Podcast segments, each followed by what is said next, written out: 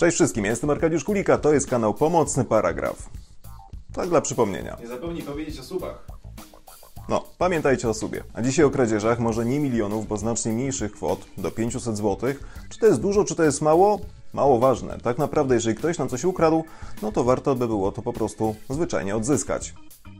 Zaczynamy.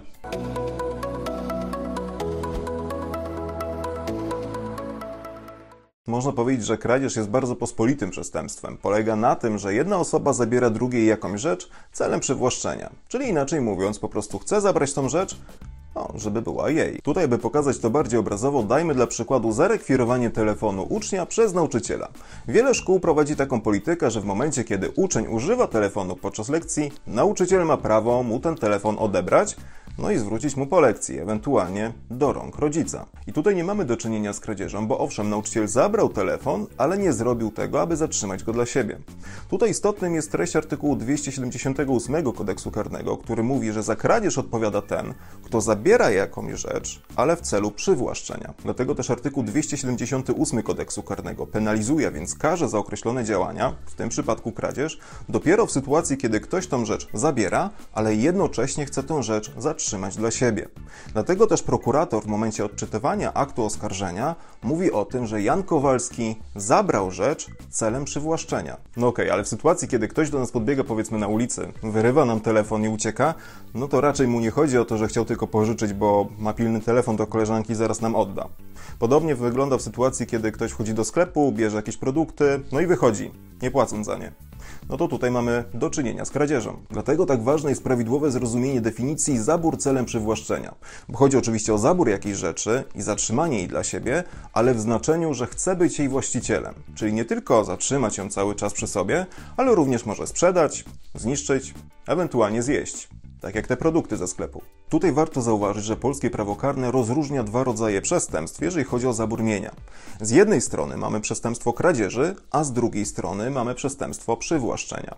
Te przestępstwa są bardzo do siebie podobne, dlatego dużo osób je myli. Natomiast różnią się tak naprawdę jednym elementem. Przestępstwo kradzieży, regulowane w artykule 278 kodeksu karnego, zachodzi wówczas, kiedy ktoś odbiera nam rzecz bezprawnie.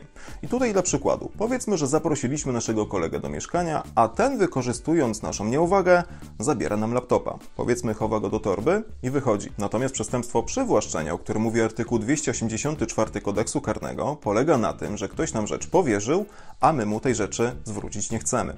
I tutaj z powrotem przykład na laptopie. Dajmy na to, że pożyczyliśmy swojemu koledze laptopa na tydzień. Mija tydzień, no i chcemy ten laptop zwyczajnie odzyskać. Natomiast kolega, no nie chce nam go oddać przywłaszczenie. Wracając z powrotem do przestępstwa kradzieży, a więc odebrania komuś rzeczy bezprawnie.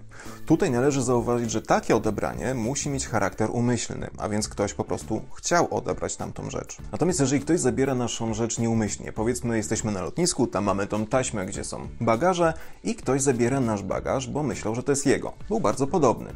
Tutaj nie mamy do czynienia z przestępstwem kradzieży, ponieważ ta osoba nieumyślnie zabrała nie swoją rzecz. No dobrze, ale załóżmy, że ktoś nam zabrał tą rzecz bezprawnie, zrobił to całkowicie umyślnie, no i pytanie, co mu za taką kradzież grozi? I tutaj artykuł 278 kodeksu karnego przewiduje karę od 3 miesięcy do nawet 5 lat pozbawienia wolności.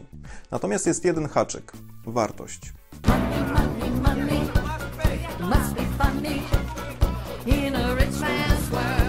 Aby można było mówić o przestępstwie kradzieży, zabrana rzecz musi mieć jakąś określoną wartość majątkową. No, czyli jeżeli ktoś nam odbije drugą połówkę, no to kradzieży niestety nie ma. Chyba, że chodzi o inną połówkę. Miara majątkowa rzeczy, czyli po prostu ile dana rzecz jest warta, jest bardzo ważna, bo jeżeli ktoś nam ukradnie coś poniżej 500 zł, to nie mamy do czynienia z przestępstwem, ale z wykroczeniem. Dla przykładu, ktoś bezprawnie odebrał nam telefon o wartości 400 zł. No, stary, ale mamy sentyment. I tutaj mamy do czynienia z wykroczeniem regulowanym w artykule 119 Kodeksu Wykroczeń. Tutaj ustawodawca nie przewidział za to kary pozbawienia wolności, ale co najwyżej areszt, ograniczenie wolności, albo grzywnę. Tej samej karze podlega również ten, kto rzecz przywłaszcza. Powiedzmy, że pożyczyliśmy ten nasz ukochany telefon swojemu koledze na tydzień, mija tydzień, a ten nie chce nam go oddać. No to również tutaj mamy do czynienia z wykroczeniem, a nie z przestępstwem. I tutaj pojawiają się pytania, co powinniśmy z tym zrobić? Pójść na policję, złożyć pozew do sądu, w ogóle ten telefon, laptop odzyskamy? O ile w przypadku kradzieży albo przywłaszczenia rzeczy powyżej 500 zł mamy do czynienia z przestępstwem, a więc sprawa trafi do sądu i sprawca zostanie ukarany, ale również zostanie mu nakazany zwrot tych rzeczy, ewentualnie ich równowartość, o tyle inaczej sytuacja wygląda w przypadku wykroczenia. Naturalnie każdą taką sytuację powinniśmy zgłosić na policję. Natomiast jeżeli mamy do czynienia z kradzieżą albo z przywłaszczeniem rzeczy, której wartość jest poniżej 500 zł, a więc jest to wykroczenie, to najprawdopodobniej tak naprawdę dla tego złodzieja, o ile się go złapie, skończy się to tylko mandatem.